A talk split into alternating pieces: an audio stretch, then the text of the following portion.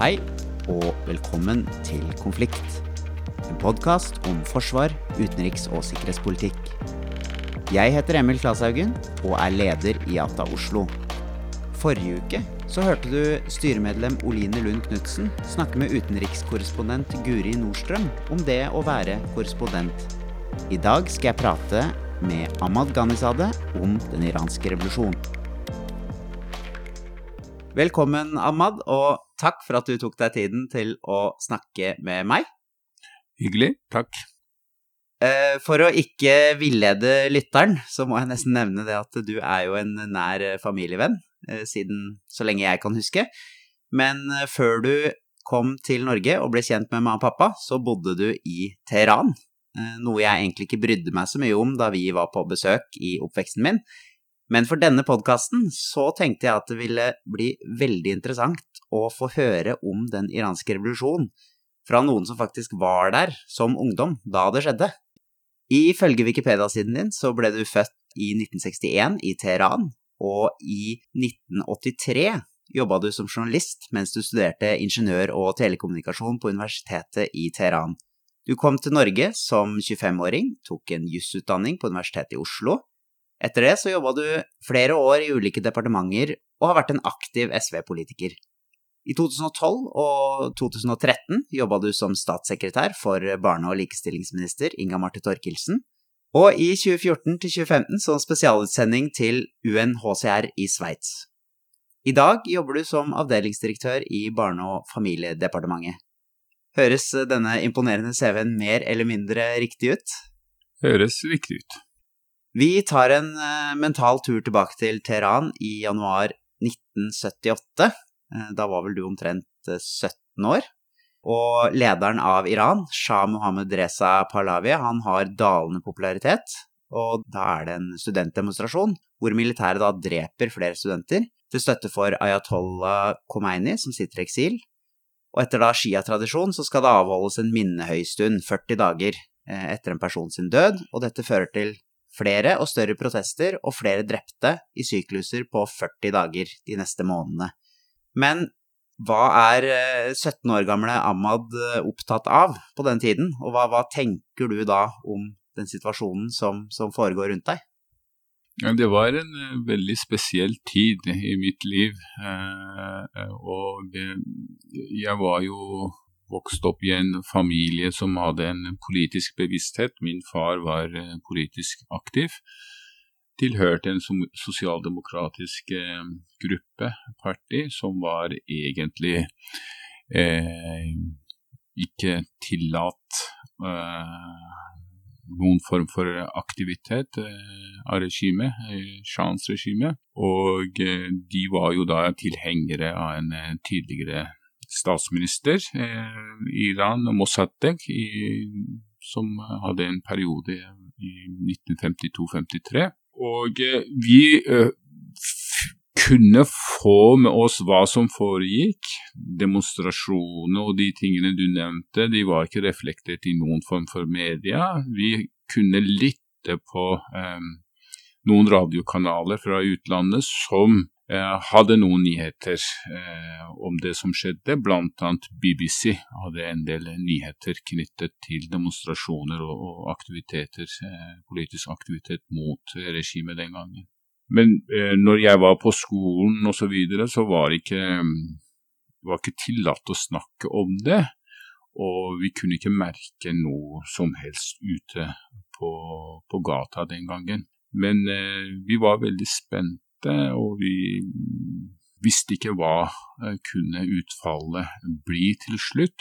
Men det var tent noe håp når det gjelder den nye amerikanske presidenten, Jimmy Carter, som hadde erklært at han var svært opptatt av menneskerettigheter, og ville at, at eh, regimet i Iran skulle jobbe for å åpne opp politisk og eh, legge til rette for, for, at menneskerettighetene ble implementert i systemet i Iran, og det at, at Shahen skulle gi en del politiske eh, politisk frihet da, for, eh, for, befolkningen. Økonomien var veldig sterk den gangen. Iran hadde høy økonomisk eh, vekst. var i ferd med å bygge opp en økonomi som kunne da altså bygge opp en, en middelklasse, en stor, stor middelklasse, men når det gjelder politisk, så var, var store begrensninger eh, hva angår politisk aktivitet for partier, ytringsfrihet osv. videre Og, og, og manglende respekt for, eh, for menneskerettigheter. Så det var mange tanker som, eh, som, var, som var, i mitt hode som 17-åring. Men, men hva, hvordan dette skulle utvikle seg, det var jo helt helt uvisst eh, for oss. fordi at eh, den motstanden som etter hvert tok til mot regimet, det var eh, på ingen måte organisert den gangen. Nei. Nei, det var vel ikke noe Facebook på den tiden, sånn at man kunne få beskjed om at møte opp her og demonstrere. Mm. Det skulle vel litt mer til, regner jeg med, for å få samla alle sammen? Vi skulle hatt Facebook den gangen, ja. Men for da ja, dette utvikler seg jo eh, de neste månedene. Det blir jo mer og mer demonstrasjoner.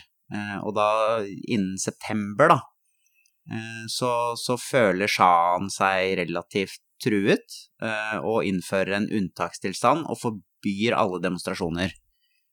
Fredag 8. september så bryter det ut en massiv demonstrasjon i Teheran, som blir slått svært hardt ned på med både stridsvogner, kamphelikoptre og automatvåpen, og hundrevis dør.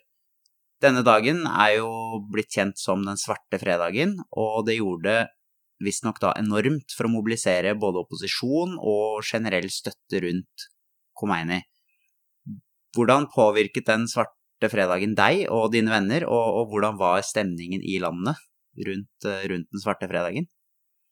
Det var en veldig, veldig spesiell dag, eh, og vi fikk eh, med oss den demonstrasjonen. Eh, vi hadde noen venner som var i nærheten, og de ringte fra, fra, fra eh, noen hus i nabolaget som var eh, nær demonstrasjon, og, og, vi kunne høre gjennom telefonen eh, skytingen. det var en veldig en trist dag. Og eh, jeg kunne identifisere meg veldig mye med de som demonstrerte, fordi jeg selv eh, for noen måneder, noen måneder før den demonstrasjonen ble arrestert selv. Eh, og det var jo da en dag jeg var, kom ut, av, ut, fra skolen min, altså når jeg gikk på videregående skole, og, og så jeg eh, noen studenter, modige studenter som demonstrerte. Og jeg deltok i den demonstrasjonen uten å ha noe erfaring med, med det.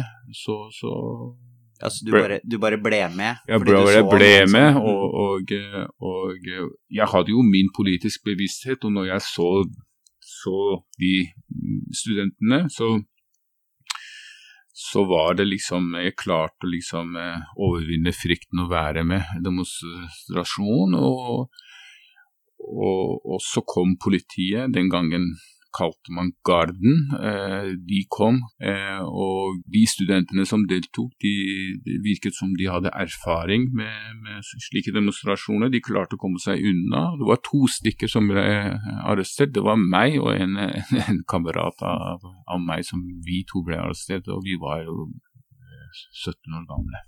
Det var hard, et hardt møte med å demonstrere? Det var et veldig hardt møte, og vi, var, vi var, ble anholdt i et døgn. Og, og det var det var ingen mild behandling som vi fikk den gangen.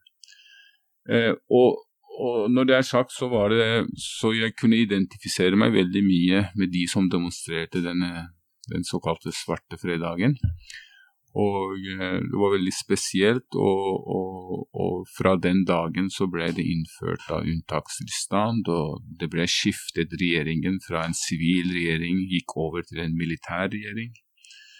Og, eh, og, og jeg husker frykten var veldig stor fra dagen etter den, den fredagen, så kunne man se tanks og militære kjøretøy overalt eh, i Teheran, og det var en ganske skremmende syn. fordi før den dagen så var det politiet som håndterte demonstrasjoner osv. Men etter den fredag, altså under den fredagen, altså demonstrasjonen der, og etter det så var det militæret som var satt inn. Um, det var spesielt, og, og som du nevnte, vi hadde ikke uh, Facebook den gangen. Det var ikke så lett å være i kontakt med hverandre, det var ikke så lett å vite hva som foregikk. Det som man hadde tilgang til for å få informasjon, det var de utenlandske radiokanalene, BBC spesielt. Men så var det også da løpesedler som ble delt ut i hemmelighet, og kassetter, veldig mange sånne hemmelige kassetter som var delt ut, hvor man kunne da få med seg hva som foregikk, hvor mange som mistet livet, og liksom tanker rundt veien videre, og kampen videre, da. For det, det blir jo på en måte bare uh, mer og mer, egentlig, etter den uh, svarte september, da det tok eh, Ja, det, det, ble mer og mer fordi at eh, for å markere de døde Det var syv dager etter, så ble det andre demonstrasjoner, og studentene spesielt, studentene var svært aktive. Og eh, elever som på videregående skole var også med. Og så etter den svarte september, så var det liksom en måned etter så var det skolestart for det skoleåret. Vi begynte på skolen, og etter en måned ble skolen stengt pga. urolighetene som var i landet. Når skolene ble stengt, så var vi uten skole, og da, da ble det faktisk mer tid til å delta i, i demonstrasjoner. Så det gikk liksom hele tiden, nesten hver dag, så, så var det demonstrasjoner og stort press på, på regimet. Men det var ikke demonstrasjonene som gjorde hadde avgjørende betydning. Det var eh, de, den omfattende streiken som, som var igangsatt, som, som, hadde stor betydning, spesielt i oljeindustrien. Eh, alle arbeidere i oljeindustrien hadde lagt ned eh, sitt arbeid, og det var nesten ikke drivstoff i på bensinstasjoner. Og det var streik eh, nesten overalt. På flyplasser, på, i, i forskjellige departement, lærere og Altså det var, det var, det var på en måte et helt land i, i streik, egentlig. Veldig, veldig, veldig, veldig mange, da. Så det, det, gikk på en måte ikke an å, mm. å, å, å gjøre så veldig mye med det.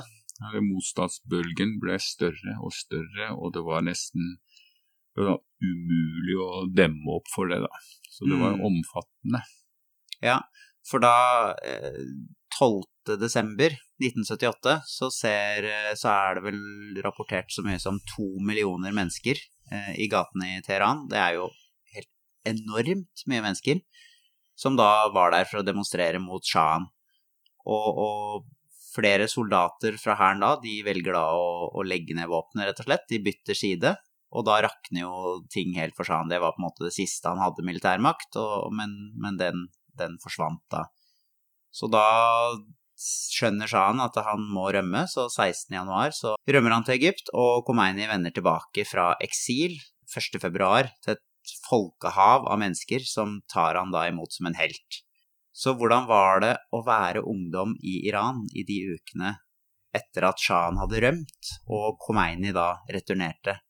For på mange måter så hadde jo dere vunnet, jeg vil jo tro det følte, for det, som du sa, det var jo mest av alt studenter som var ute i gatene. Så det må jo ha vært en helt sånn utrolig euforisk følelse å ha vært med på noe sånt nå? Ja, det var, eh, det var spesiell følelse. Det var veldig mye håp og optimisme. Eh, det var dager som jeg aldri kommer til å, til å glemme. Det var også litt ambivalent følelse, fordi at eh, vi hadde også våre bekymringer om, om eh, den politiske framtiden for landet, hvilken retning landet skulle gå. Og, eh, men samtidig så var det en stor seier at man hadde da overvunnet liksom frykten mot det altså militære som, som var eh, ganske skremmende i Iran. Iran hadde en veldig eh, stort og, og sterkt militære. Og, eh, og det gleden i gatene var eh, veldig stor. Og det var nesten ikke mulig å kunne komme ut på gata, fordi det var, det var ikke, ikke, plass. Og det var veldig fint vær, og våren hadde med sin ankomst. Og mange som hadde da laget revolusjonære sanger som ble sunget den dagen, veldig mye musikk. Og det som da ga eh, et stor grad av håp, var jo da at, det, som du nevnte, at flere soldater og offiserer eh, byttet side og ble med folket og deltok i, i protestene. Og det vi tenkte den gangen, er at det, hva vil hæren gjøre? Til syvende og sist var det de som var, altså generalene som hadde avgjørende ord. Da. Hvilken side ville de, ville de velge? Og det hører med historien at, at når forlot Iran, så ga han da regjeringsmakten til en kjent sosialdemokrat, faktisk, Shapur Bakhtiar, eh, som da hadde statsministerposten i 37 dager. Og, og han åpnet opp landet betydelig, ga store eh, friheter. Eh, aviser kunne skrive hva de ville. Eh, man kunne der kjøpe bøker som var Altså bøker, kunne lese bøker som var politiske. Det var nesten en umulighet eh, under Shahens tid, da.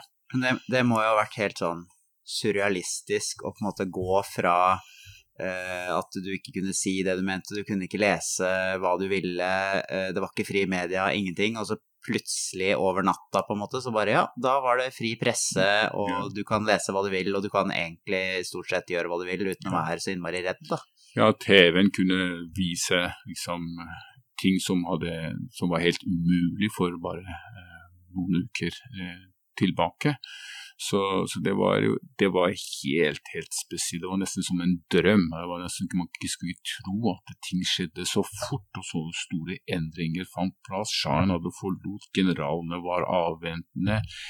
Den sosialdemokratiske statsministeren åpnet opp. Han, eh, en av de viktigste tingene som han gjorde, som, som faktisk var var en, en stor begivenhet, det var at han oppløste sikkerhetspolitiet, SAVAK, ble oppløst. SAVAK var en fryktet eh, hemmelig politi, da, sikkerhetspoliti.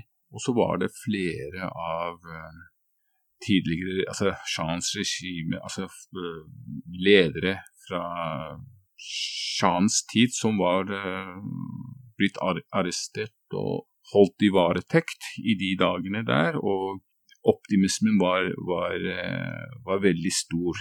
Og, demonstrasjonene eh, fortsatte, og folk var på gata.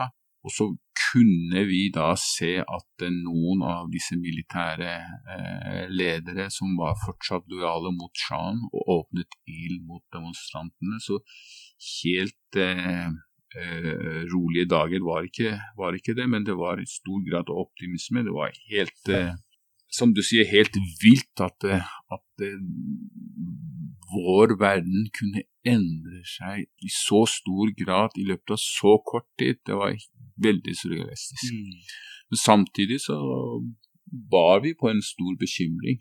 Hva, hva ville framtiden eh, være? Hvordan skal man da kunne bygge opp et nytt samfunn basert på det som var revolusjonens Og Det var jo frihet eh, og eh, likestilling og demokrati. Det var jo det var de, altså for, for, studenter i stor grad var det det som var eh, idealene og slagordene for, i revolusjonen. Ja, det var jo på en måte Selv om det var noen fine dager, uker, måneder i starten, så, så, går det jo dessverre ikke så veldig mange månedene før Khomeini da sammen med et nyoppretta vokterråd kupper den nye grunnloven som har blitt uh, foreslått, egentlig, stadfester at den nye regjeringen skulle være 100% basert på islam. Og uten å gå for dypt inn i iransk politikk, så er da Vokterrådet den mest innflytelsesrike institusjonen i styringen av Iran, også i dag, med sine tolv medlemmer så sørger jo de for at lover som vedtas av parlamentet, er i samsvar med konstitusjonen og islamsk lære, samt vurderer da hvem som får stille til parlamentet som president, og til ekspertforsamlingen. Og ekspertforsamlingen er da igjen de som velger den øverste lederen. Så det er litt uh, bukken og havresekken der. Uansett, da. Jeg skrev en middels til lite god semesteroppgave på Blindern om ungdommens rolle i revolusjonen. Min konklusjon da var noe sånn som at ungdommen egentlig aldri hadde noen reell sjanse etter at revolusjonen eh, var gjennomført, og at de, som veldig mange andre grupperinger, i stor grad ble brukt som kall det brikker, da, i det politiske spillet av, eh, eller til Khomeini. Hva, hva, tror du gikk gærent, holdt jeg på å si? Altså, hva, hva kunne dere ha gjort noe annerledes for å få en, et annet utfall? Jeg, jeg, tror vi hadde fått et eh, kanskje et annet utfall dersom eh, endringene ikke skjedde så fort. Dersom folk hadde mer kunnskap om uh, ulike bevegelser, ulike politiske ideologier, tror jeg utfallet hadde blitt annerledes. Vi må huske på at under shahens tid så var uh, stort trykk på altså manglende ytringsfrihet, eh, tilgangen til bøker, eh, politisk dialog osv. Det var jo veldig, veldig begrenset. Ja, Så dere, dere, var kanskje ikke helt forberedt på den friheten dere fikk, det, og, og mens, mens, da Khomeini satt egentlig klar med en plan? Ja, så den maktkampen ble litt var litt for rå, da, ikke sant. Og, og det skjedde også igjen fort, det. Eh, Eh, fordi at Én ting er at eh, studenter og noen som hadde, hadde, hadde, politisk aktivitet fra før altså Det var forskjellige retninger og ideologier som deltok i revolusjonen. Eh, det var ikke bare den religiøse biten. Det var venstresiden, det var sosialdemokratene, det var sosialister, det var nasjonalister, det var marxister. Det var en stor grad av enhet og enighet om, om deltakelse for et fritt Iran med ytringsfrihet osv. Det var jo det som var målet, og et Iran som skulle utenrikspolitisk være selvstendig. Eh, kunne da bestemme selv. Det med selvstendighet osv. som nasjon er jo et ganske viktig sak for land i Midtøsten, og, og på 70-tallet var det jo da svært viktig. Eh, fordi landene hadde jo store eh, Iran hadde store oljeressurser, og man mente at eh, en, en, en, selvstendighet vil jo da bety at eh, folk skal selv bestemme over de ressursene man hadde, istedenfor at eh, det gikk med på å bare liksom, kjøpe våpen.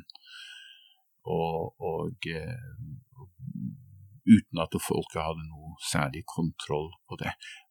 Man ønsket rett og slett en form for demokrati som vi tar det for gitt i Norge, i Iran, med, med, der folk skulle kunne kontrollere eh, landets ressurser eh, på en demokratisk måte.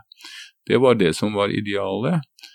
Men eh, massene som også var med og deltok i revolusjonen, eh, kunnskapsnivået der kanskje ikke var så høyt. og, og, Derfor var det de som da, de som kom med et religiøst budskap, de hadde en eh, lettere å å gjøre med å trekke til seg massene.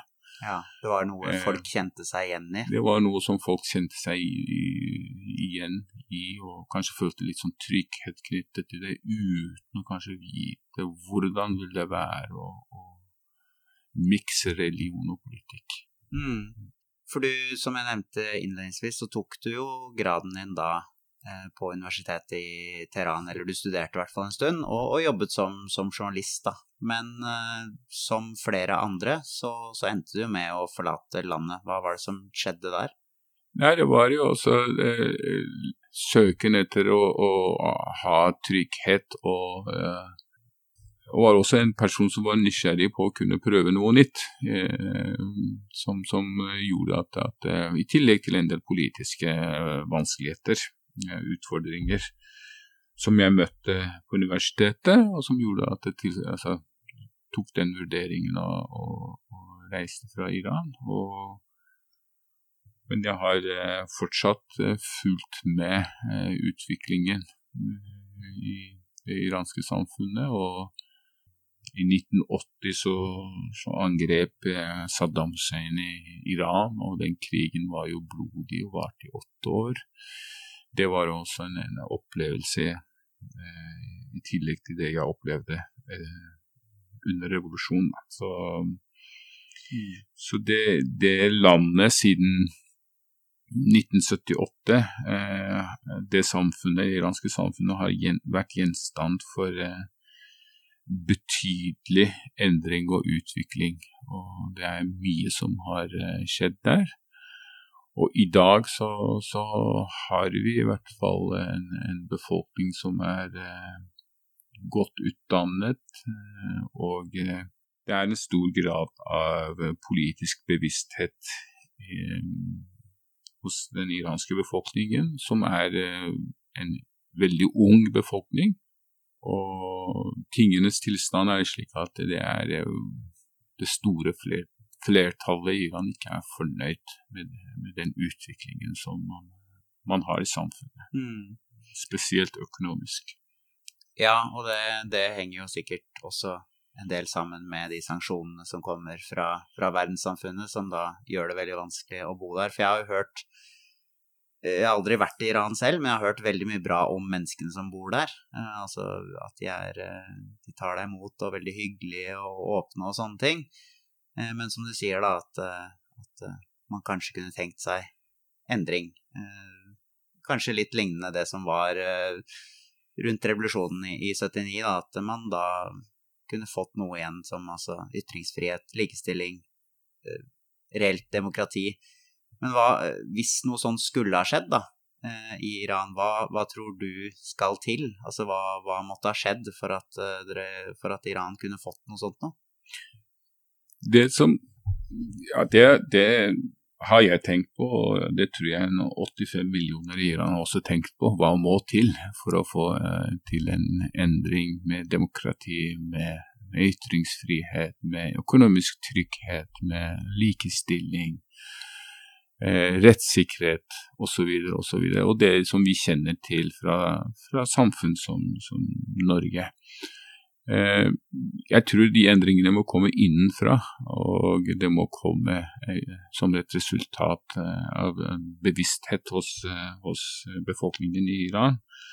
Og det har jo vært noen endringer, noen eh, små, store reformer i Iran. men men befolkningen i Iran er en, en vital befolkning. Det er en befolkning som, som har eh, eh, en, en, sterk historie, og det iranske folket har en sterk og bevisst er veldig bevisst på sin identitet. Og, og, eh, og de ønsker en eh, endring i retning av eh, det vi kjenner f.eks. I, i Norge, med demokrati, eh, selvstendighet og en utenrikspolitikk som, eh, som faktisk um, sikrer fred og forsoning framfor konflikter. Så en, en, det er en befolkning som er klar for mer, mer demokrati og, og ja, som du sier, et friere samfunn. Vi må bare, må bare se noen endringer først. Ja, det må vi, og det, det, det må skje innenfra og, ja. og, over tid og gradvis. Det, mm. det er en dag eller en, en, en, Det samfunnet ser jeg veldig fram til. Ja, det skjønner jeg veldig godt. Men jeg ser, ser, på klokka her at vi har eh, kommet til eh, veis ende. Uh, utrolig spennende å få snakke med deg. Uh, det er jo lenge siden vi har uh, møtt hverandre personlig, men vi var jo mye sammen i min oppvekst. Så tusen takk for at du stilte opp eh, i dag, Ahmad. Mm, det var veldig hyggelig å kunne bidra og dele mine tanker med deg, Emil. Som eh, jeg har kjent deg eh, siden du var en eh, bitte liten gutt. ja, så har kommet en lang vei siden da.